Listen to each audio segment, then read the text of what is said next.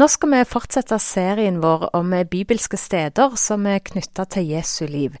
I dag skal det handle om et sted som heter Magdala. Det var en eh, viktig fiskerby ved Genesaretsjøen, og man har funnet en synagoge fra det første århundret der. Kanskje har Jesus undervist der? Jeg og prest og reiseleder i Israel, Arne Berge, skal ta dere med der nå i tankene. Vi besøkte dette stedet med en eh, turgruppe for noen år tilbake. Når vi kommer til Magdala, så blir vi møtt av flere steinruiner som eh, ser ut som steingjerder. Men eh, dette er nok rester av den gamle byen som graves ut av arkeologer. Over utgravningene så har de satt opp blå duker, og to arkeologer sitter under den ene og tar seg en pause der i varmen. Og Fra før så har arkeologene gravd fram en synagoge. og Kan du beskrive hvordan den ser ut, Arne? Ja, En synagoge det er jo et samlingssted. og I utgangspunktet så er det et stort rektangulært rom. Eh, det skulle jo vært høye vegger hvis det var bevart sånn som det var i gamle dager, men det er det ikke. Men den er gravd fram, for han lå Det som var under bakken, er gravd fram, og det var jo da bare lave murer rundt som markerer hvor det rommet har vært. Eh, gulvet har han funnet, selvfølgelig, da. Og langs med veggene så er det benker. Og så er det et litt mindre rom ved sida av, som da tydeligvis kunne gå inn til ifra det store rommet. Og så da, Sånn som det er nå, så er det da satt opp et nytt tretak over det, men det er ikke vegger rundt. Og Det er jo for å beskytte eh, steinene og det de har gravd fram, mot vær og vind. Og Hva er egentlig en synagoge? Du sa et samlingssted, men eh... ja, Det er et ord som blir brukt fremdeles i jødedommen. Eh, det er et samlingssted. og På en måte så vil vi tenke at det tilsvarer en kirke for oss kristne, eller en moské for muslimer. Men eh, det som er spesielt med synagogene, er jo at det òg i veldig stor grad er sted som er, er bygd opp omkring opplæring og samlingssted. Og på Jesu tid så må vi tro at det var det samlingsstedet som var i byen. Sånn at de, det de skulle eh, diskutere, det ble diskutert der. Eh, og Samtidig så var det òg skole for ungene. Og det var gudstjenestested på sabbaten. Eh, der eh, de hadde en gudstjeneste som ble ledet av en synagogeforstander, men der òg vanlige folk, alle medlemmer av forsamlingen, kunne lese teksten f.eks. og sånt.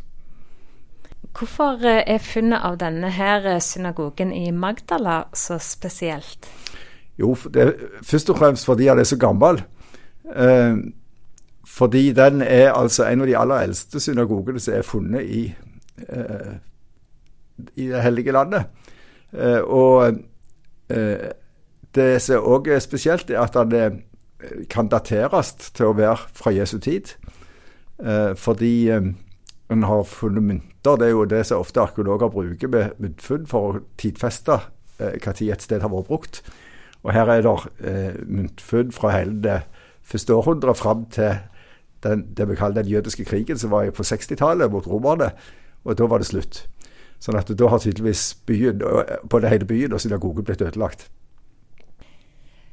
Men eh, stemmer det ikke òg at de har eh, funnet noe ganske spesielt i denne synagogen?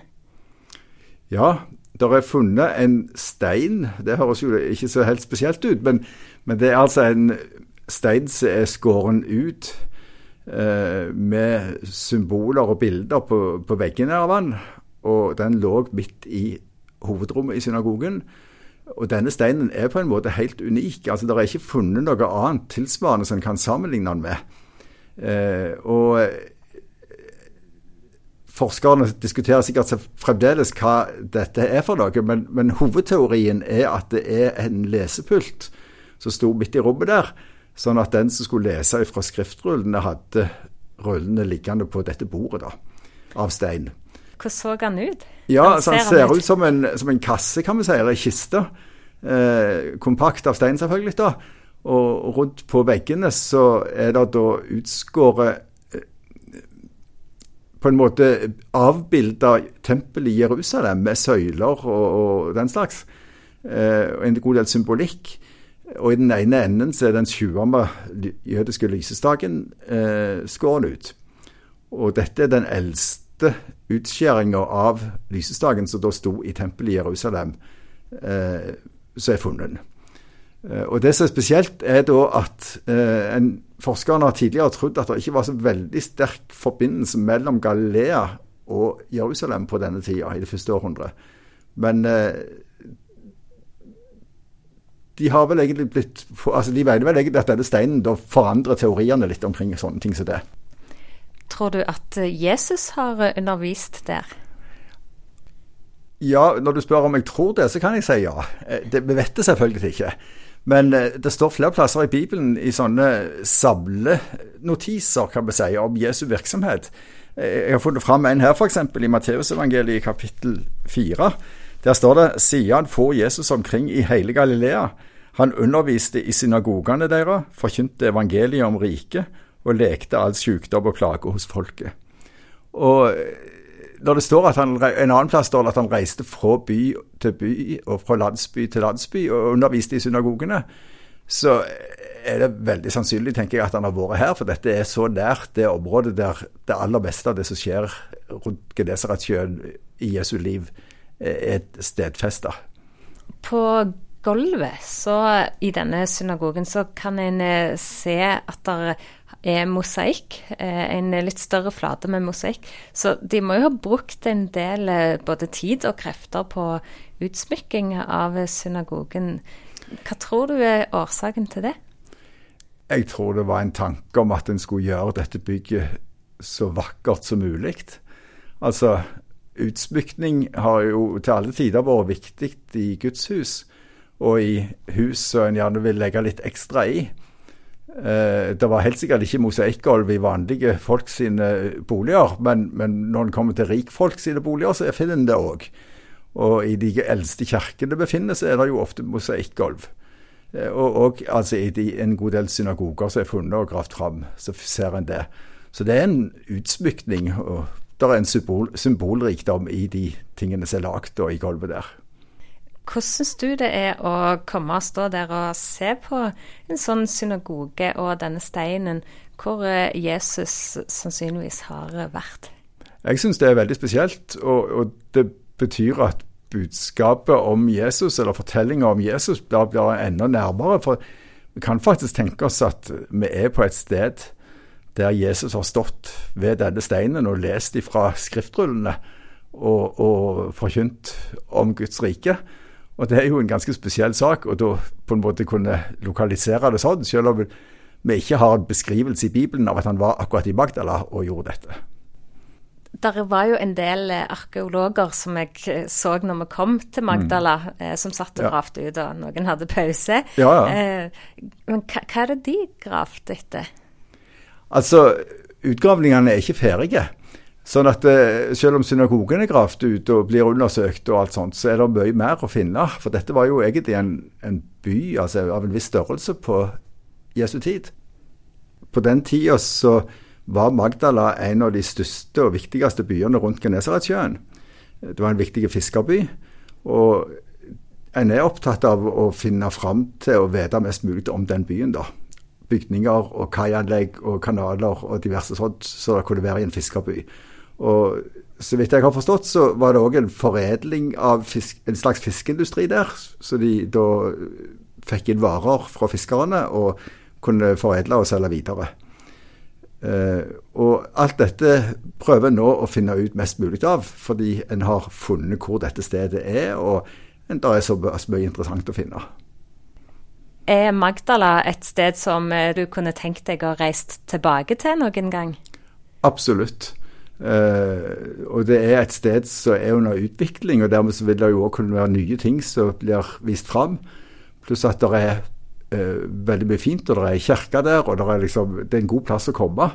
Uh, og det, du kommer på en måte ganske nær Jesus sin virksomhet ved Genesaretsjøen.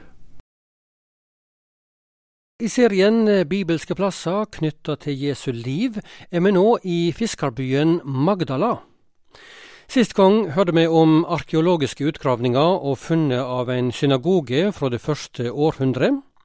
Nå skal vi til et mye nyere bygg på området, ei kirke med navnet Dukk in altum, som betyr legg ut på djupet.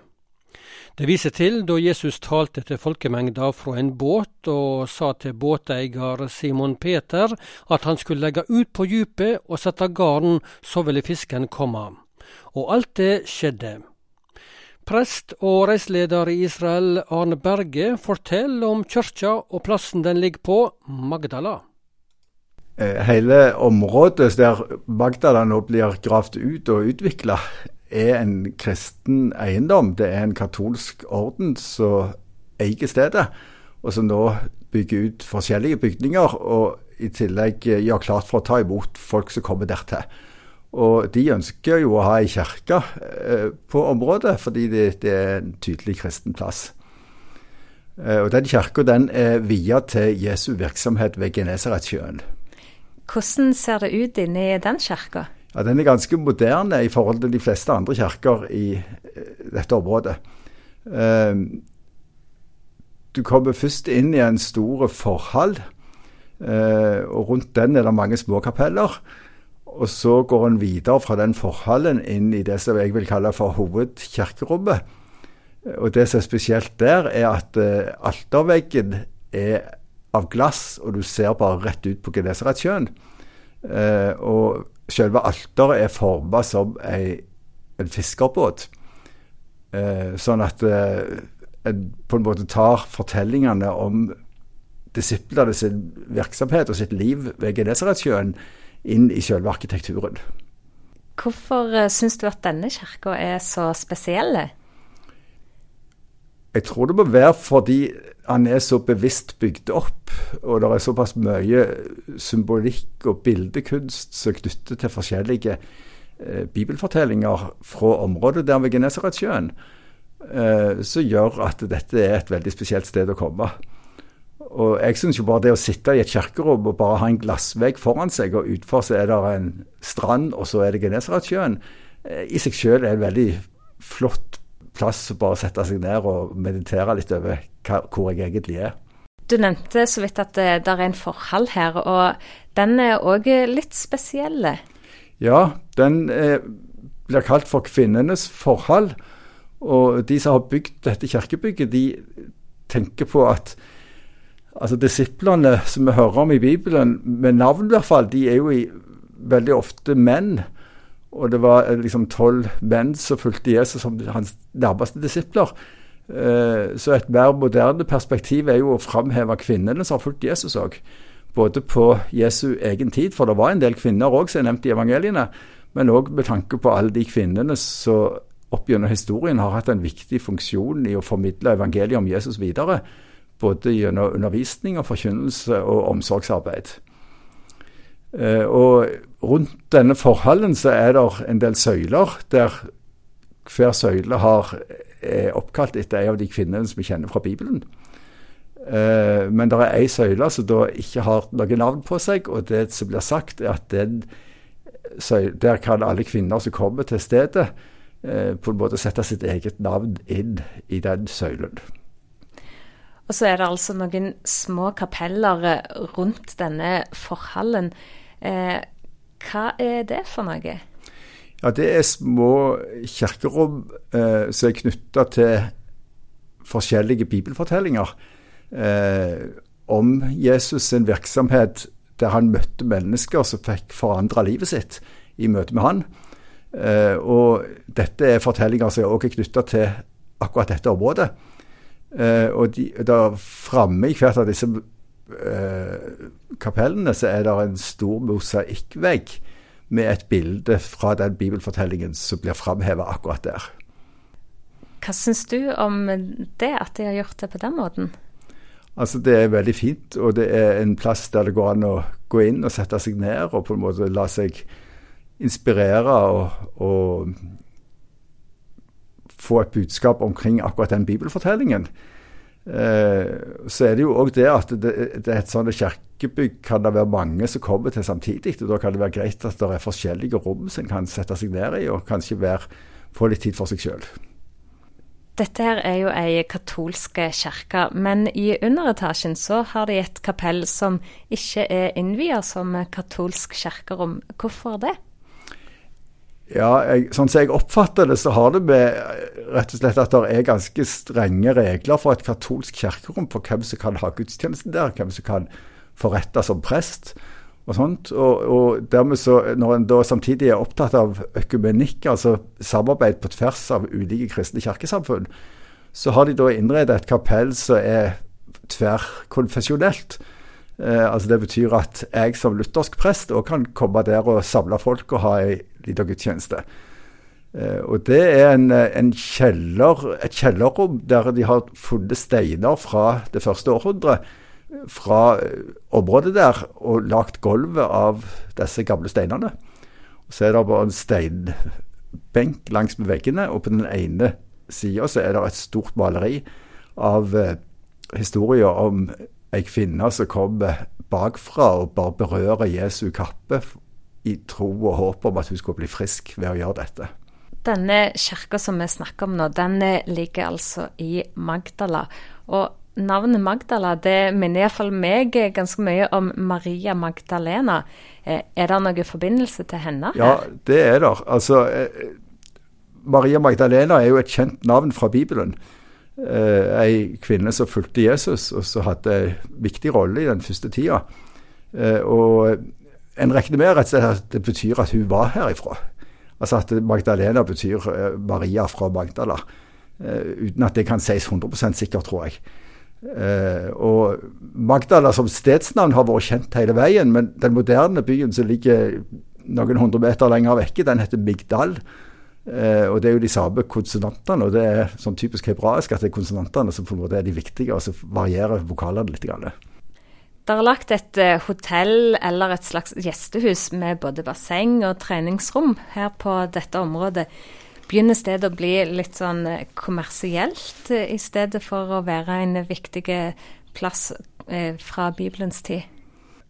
Jeg tror vi kan si at intensjonen til de som bygger det ut, det er å skape et pilegrimssenter som tar imot folk fra hele verden. Eh, ikke, ikke, i den betydningen at pilegrimer er ute og går, men pilegrimer er på reise til hellige steder.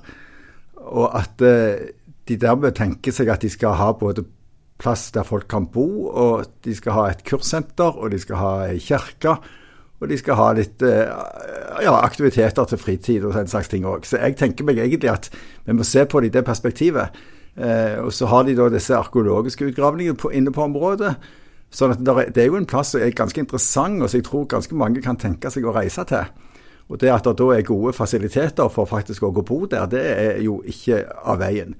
Samtidig så er det klart at det er et viktig spørsmål om det kommersielle overtar for det historiske og det bibelske perspektivet her. Jeg tror ikke det. For de virker veldig opptatt av at det er nettopp derfor de driver det, og derfor de vil at folk skal komme dertil.